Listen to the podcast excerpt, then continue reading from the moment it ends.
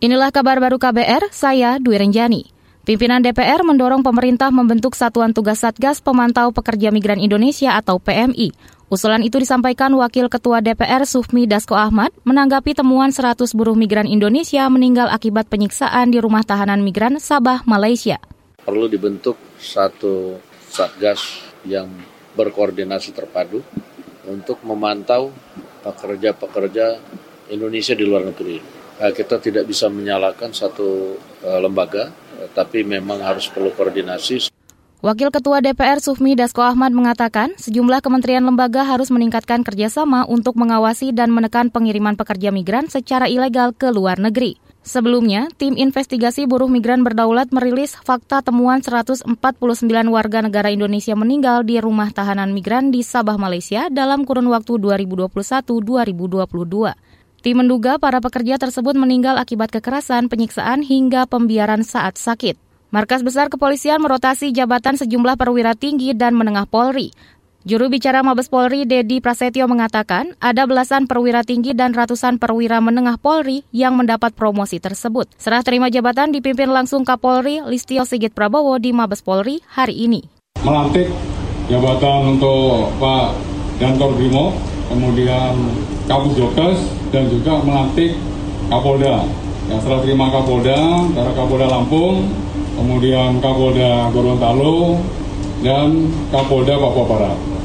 Jabatan Kapolda Papua Barat berganti dari Torna Gogong Sihombing kepada Daniel Tahi Monang Silitonga, sedangkan Torna Gogong diangkat menjadi Wakil Irwasum Polri. Juru bicara Mabes Polri, Dedi Prasetyo menambahkan, kenaikan pangkat di antaranya dilakukan terhadap 15 perwira tinggi. Kita ke Jawa Tengah, pemerintah Kabupaten Pati mulai melakukan vaksinasi terhadap ternak sapi untuk mencegah penularan penyakit mulut dan kuku. Laporannya bersama Agus Pambudi. Kementerian Pertanian Kementerian RI telah menyalurkan ribuan dosis vaksin untuk pencegahan penyakit mulut dan kulit PMK pada ternak ke Pemka Pati. Tak menunggu lama, Pemka Pati langsung menyuntikkan vaksin tersebut kepada ternak-ternak sehat untuk mencegah penularan. Ada 4.000 dosis vaksin PMK yang diterima Pemka Pati untuk mengatasi pandemi penyakit mulut dan kuku PMK pada hewan ternak. Usai memberikan vaksin perdana PMK di Desa Pucawangi, Kecamatan Pucawangi, Rabu pagi 29 Juni 2022, Bupati Pati Arianto mengatakan selain bantuan dari pemerintah pusat, pemerintah daerah juga akan mensupport melalui anggaran yang ada untuk pemberian vaksin PMK kepada peternak. Nanti akan kita support dengan pembelian dari Pemda untuk mengatasi penyakit PMK ini.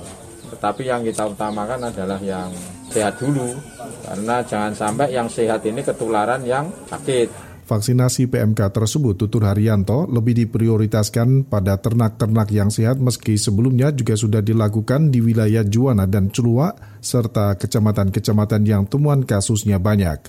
Di Kabupaten Pati sendiri, kasus kematian PMK pada ternak mencapai 50 ekor yang sebagian besar masih anakan, merata di seluruh kecamatan. Kasus kematian ini tertinggi di Kecamatan Trogowungu dan Kecamatan Margoyoso. Agus Pambudi, Radio Paspati melaporkan untuk KBR. Demikian kabar baru KBR, saya Dwi Renjani. Salam.